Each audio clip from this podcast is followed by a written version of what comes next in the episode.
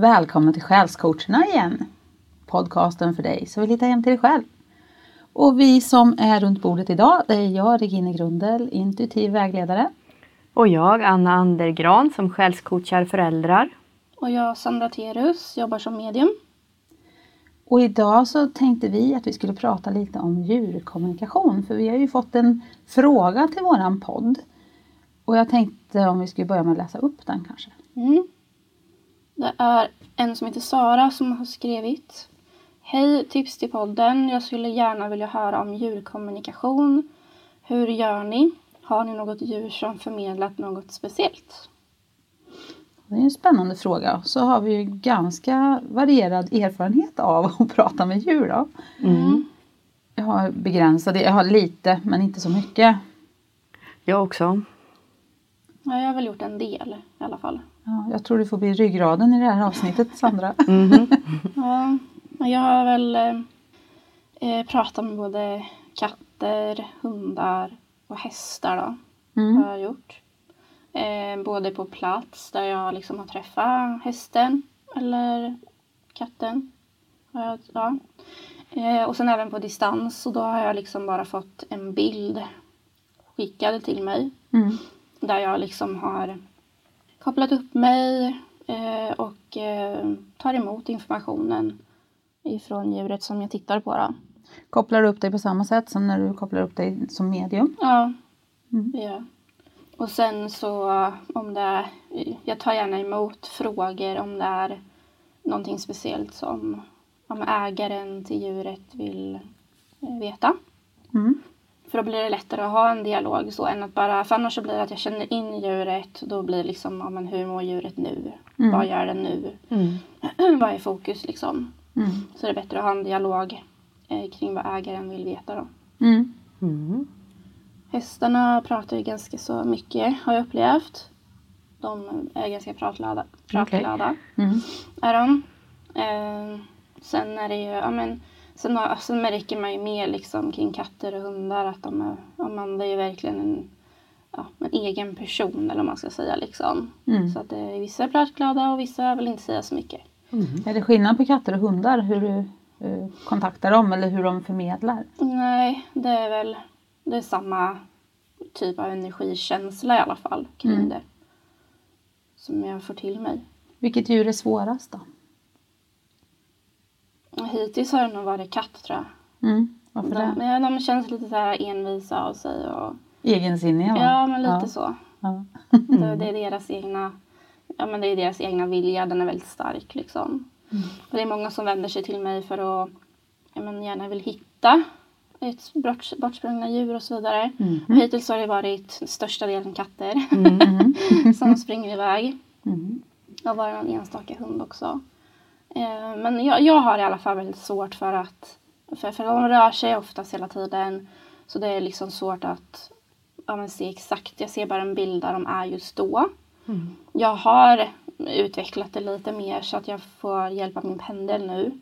Där jag liksom pendlar över en karta för att se ungefär vart, vilket håll den har gått åt och så vidare.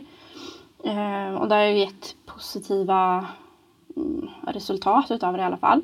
Sen så får jag mer, mer känsla om jag är på samma plats då. Just det. Ja. Mm. Det där har ju jag upplevt eh, first hand nu senaste Ja. tiden. Mm. När vi spelar in det här är vi ju i mitten på januari. Men vi flyttar ju till en lägenhet i mitten på december. Och då smet ju våran katt ut via balkongen.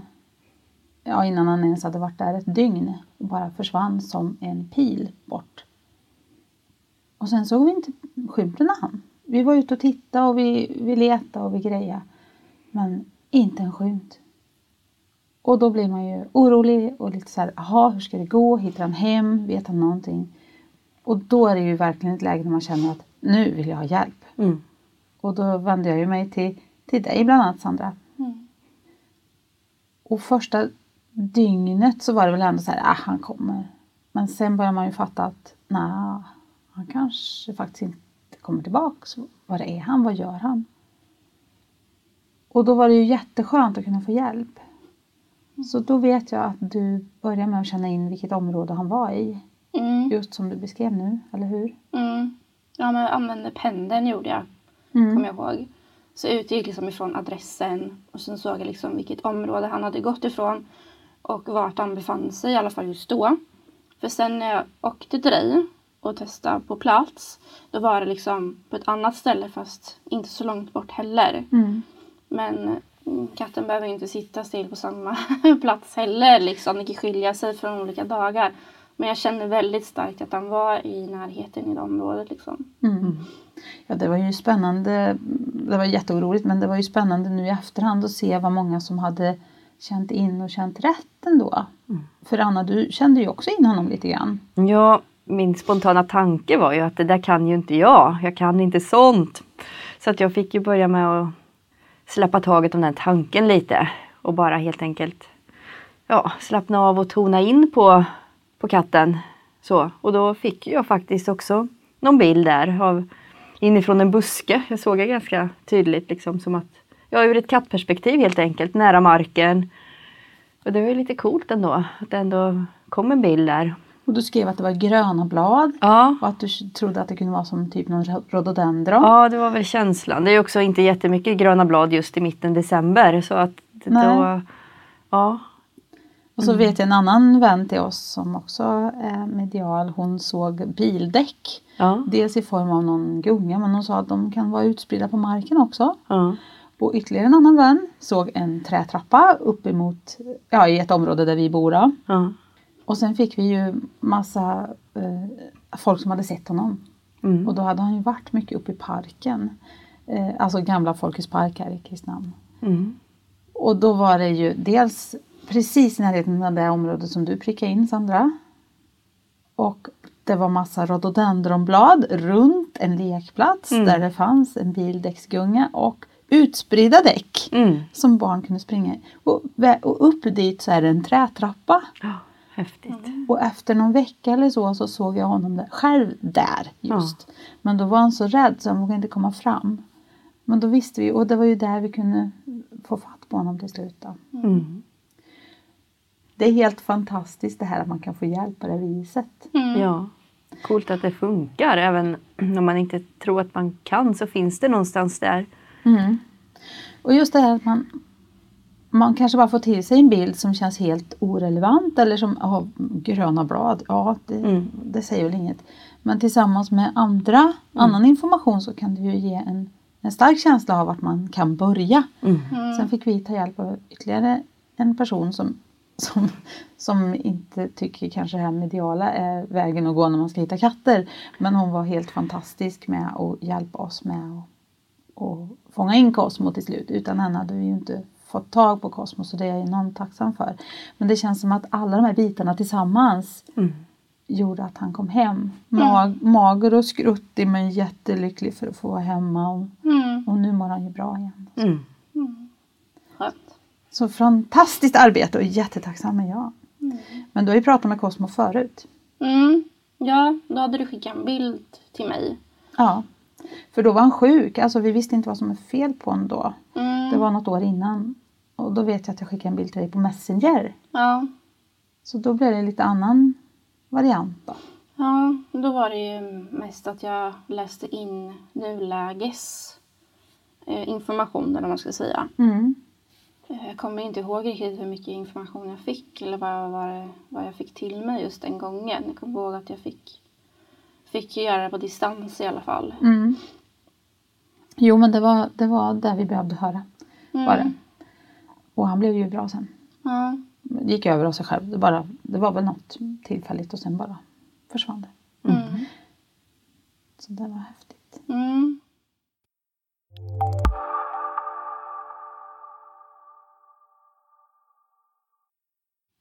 Har du någon sån här historia att berätta om någon häst eller något som har varit lite, stått ut lite?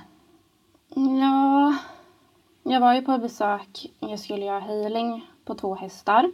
Och så kommunicerade jag med dem också samtidigt. Och då var det ju en, en liten eh, häst, jag vet inte, shettis eller något sånt där. Och väldigt härlig energi hade han och eh, sen så sa han att han hade haft problem med magen. Han hade problem med magen tidigare. Eh, och att det gick lite så här upp och ner fick jag till mig. Och sen så fick jag liksom eh, mig liksom i bilder att han liksom gick runt och alltså var typ så här hungrig hela tiden, ville äta på allt och grejer.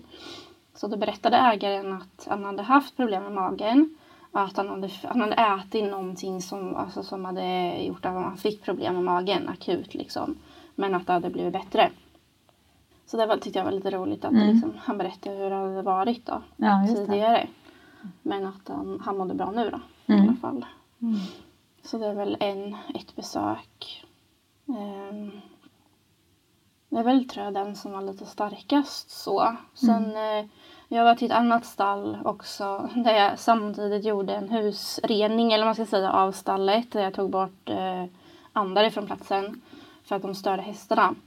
Och eh, då fick jag också kommunicera med dem, eh, berätta liksom hur de mådde och så vidare. Och då var det väl berättade en häst att eh, det liksom nöp till typ ja, men för mig då, ovanför nacken eller bakom nacken på något sätt.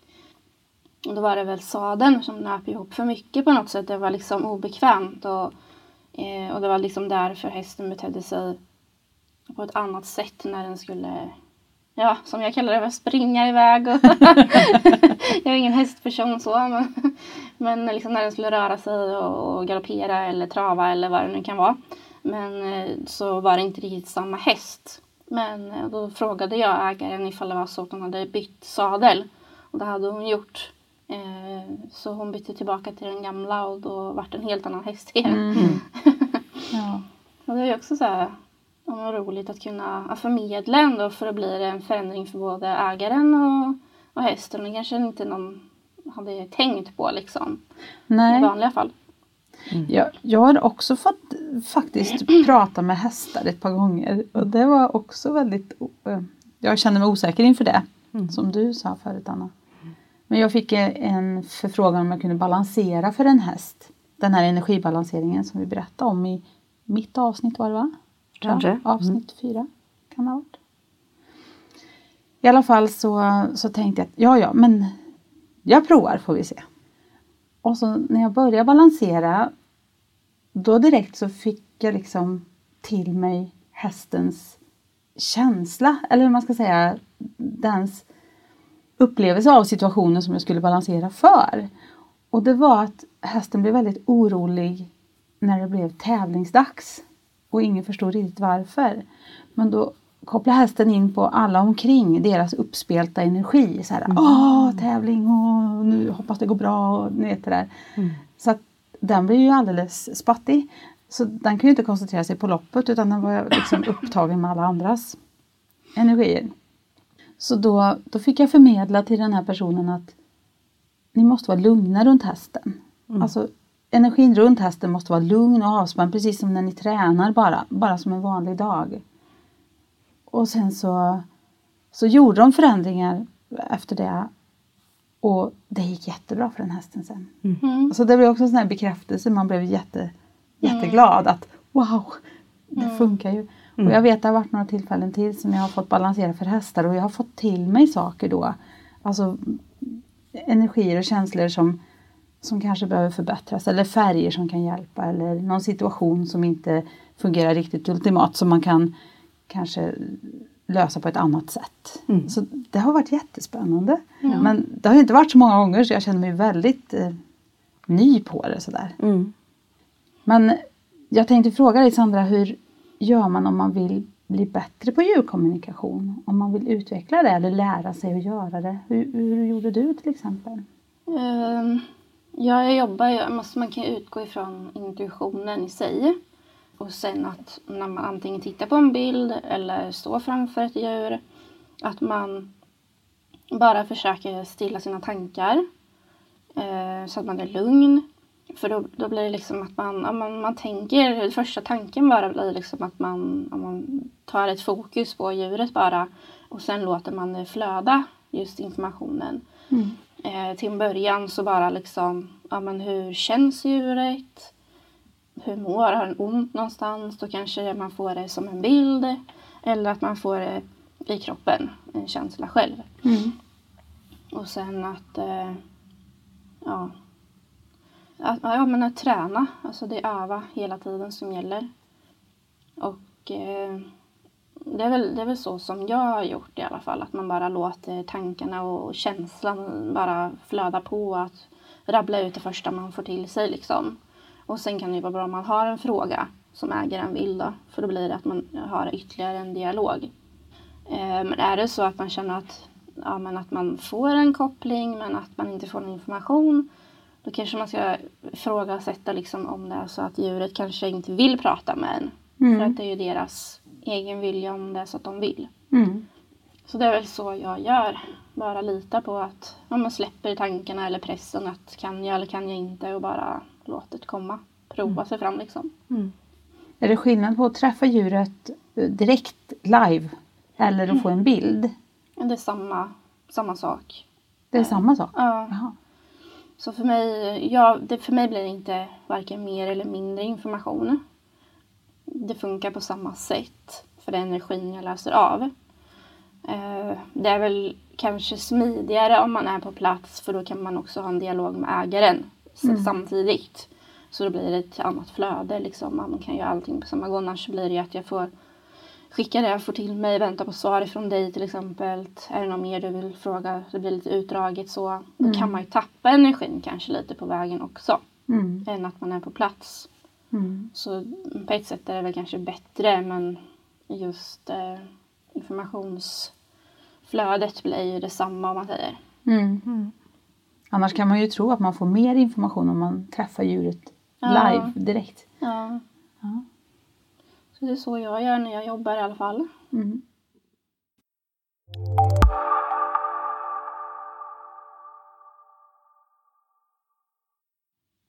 Jag kom på att det var ju en häftig grej till med Cosmo där som eh, kom precis innan vi hittade honom.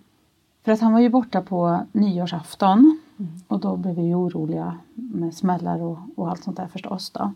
Men just på nyårsafton så var det en annan kompis som jag har som också pratar med djur. Och hon hade känt in Cosmo och att han var rädd för att komma hem. Och då tänkte jag direkt, ja ah, det är den här fällan vi har stå i hallen. För vi hade en kattfälla då. Eftersom han inte kom fram till oss så, så visste vi inte hur vi skulle göra annars då. Eh, så då skickade jag direkt till henne så här, ja ah, nu har vi flyttat på kattfällan. Nu, nu är det okej. Nej, det är inte på den nivån. Det är på den andliga nivån. Mm. Jaha.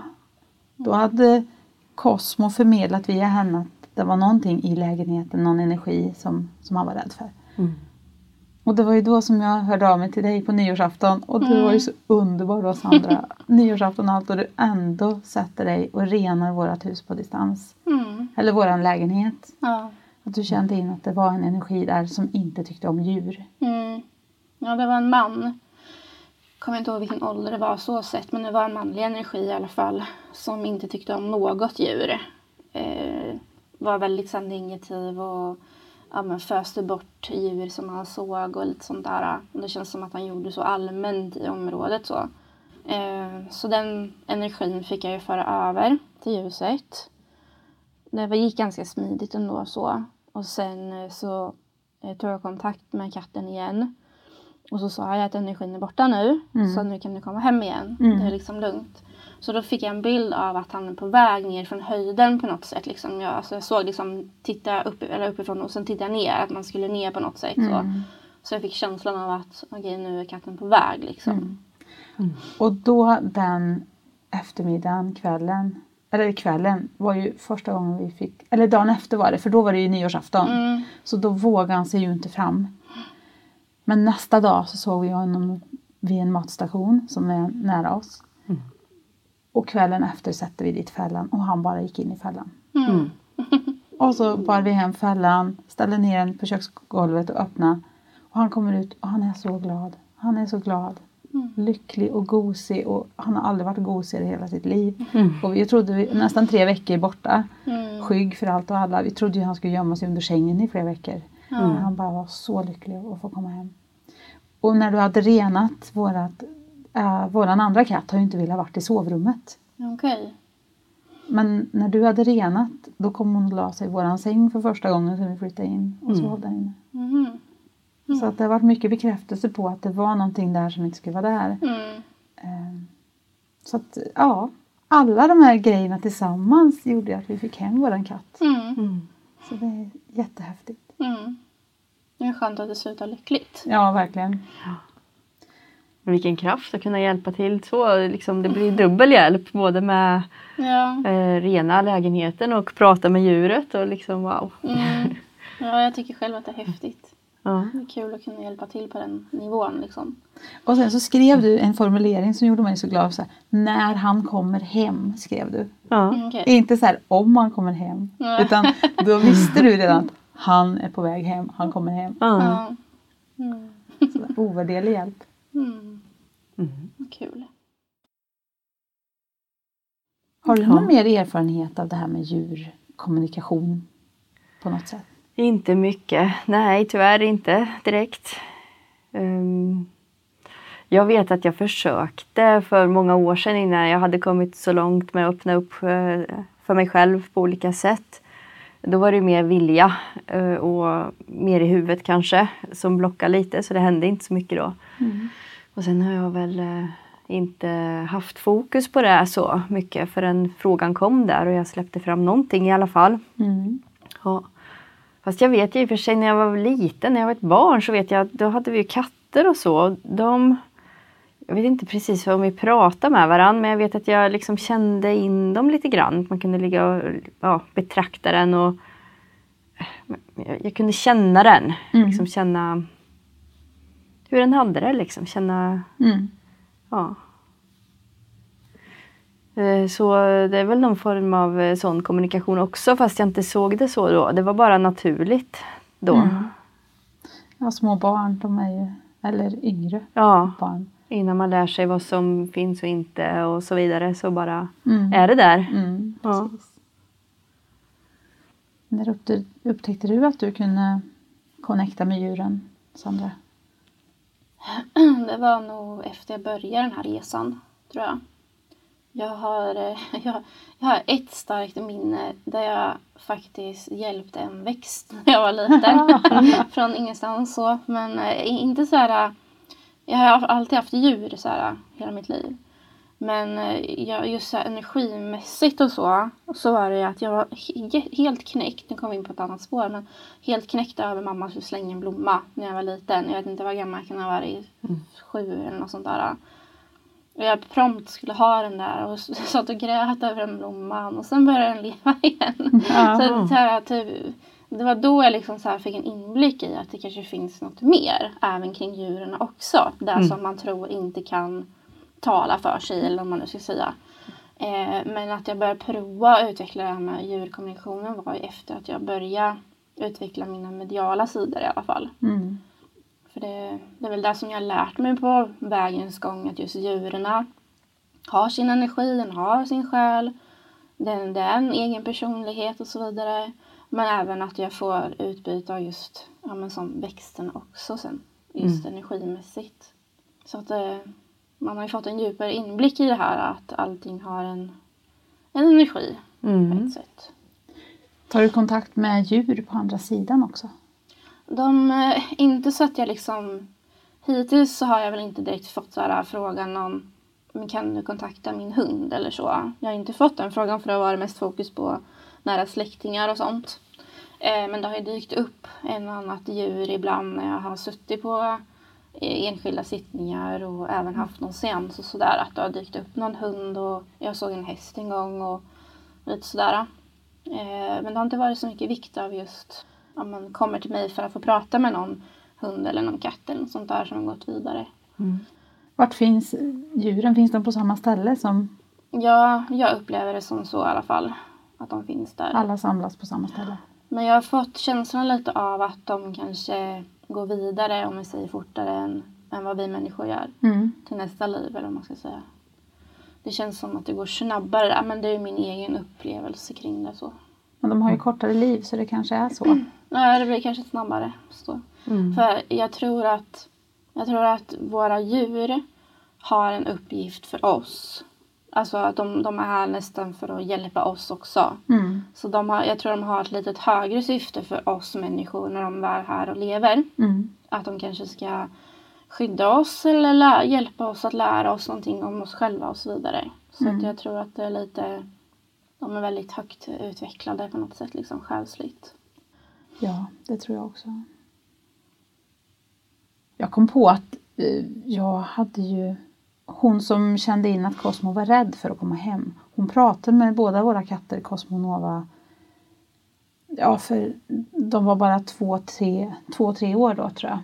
Men vi hade problem med Nova som var minst för hon gick och kissade i hallen. Fast vi hade en kattlåda. Och sen så la de sig alltid vid våra fötter när vi stod i köket. De la sig på fötterna eller precis bakom. Så vi höll ju på att trampa på dem flera gånger. Då vet jag att hon fick uppgift att prata med dem. Och då sa hon så här. Nova vill inte gå på samma låda som Cosmo. Det är ju äckligt ju. så då fick vi köpa en kattlåda till och sen dess har hon aldrig någonsin kissat någon annanstans än i sin kattlåda. Och, så, och sen så sa jag, kan du inte be dem att inte lägga sig på våra fötter för vi snubblar ju på dem. Nej det kan jag inte göra sånt för de ger er energi då. Ah. Mhm, mhm. Ja, så då, så, då blir det så här glasklart allting. Jaha, så de är ju här och hjälper oss energimässigt. De kommer alltid fram när jag jobbar med korten eller med, med våra balanseringskartor. De kommer alltid och lägger sig på bordet då. Och jag är helt övertygad om att de hjälper till. Mm. Ja, jag har ju fått uppfattningen med mina hundar och, och en katt som jag har eh, att eh, de kommer extra nära oss när vi har lite tyngre energier inom oss. Och jag har läst någonstans också att när de ja, men slickar på oss och sånt där att de liksom tar bort fysiskt liksom så här tung energi på oss. som Jaha, har vad fastnat. Mm. Jag kommer inte ihåg vart jag läste det men det var i någon bok i alla fall som Mm. jag fick den informationen. Ja, de är fantastiska våra djur. Mm. Men pratar du med din hund hemma? Ja, men det gör jag. Det gör jag. Och hon är väl inte jättetaggad för att jag har fått barn och sådär faktiskt. Så hon, hon, eh, fast nu har jag ändå, nu börjar jag liksom vända lite för jag kan ge henne lite mer, ja, lite mer uppmärksamhet. Jag får lite mer tid för henne nu när Alma blev lite större då. Mm. Eh, Så att Alma kan leka själv och inte bara klättra på mig liksom. Mm. Så att, eh, ja, Nu blir hunden lite gladare. ja hon är lite mer nöjd nu tror jag. Det var roligt. Känner du att du har något mer att berätta kring det här ämnet som, kan, som våran eh, frågare där ställde?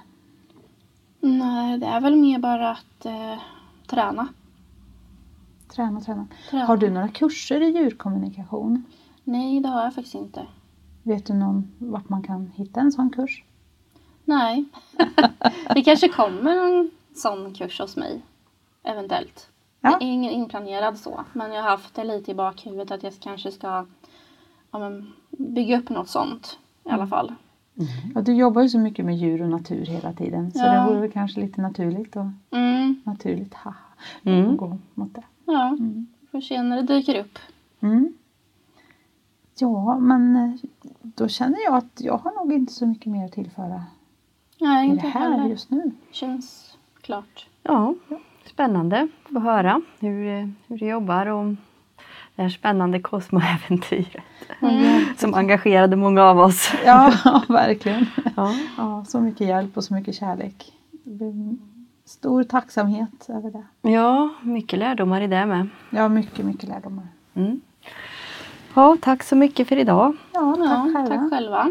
Syns vi om 14 dagar igen då. Yes. Mm.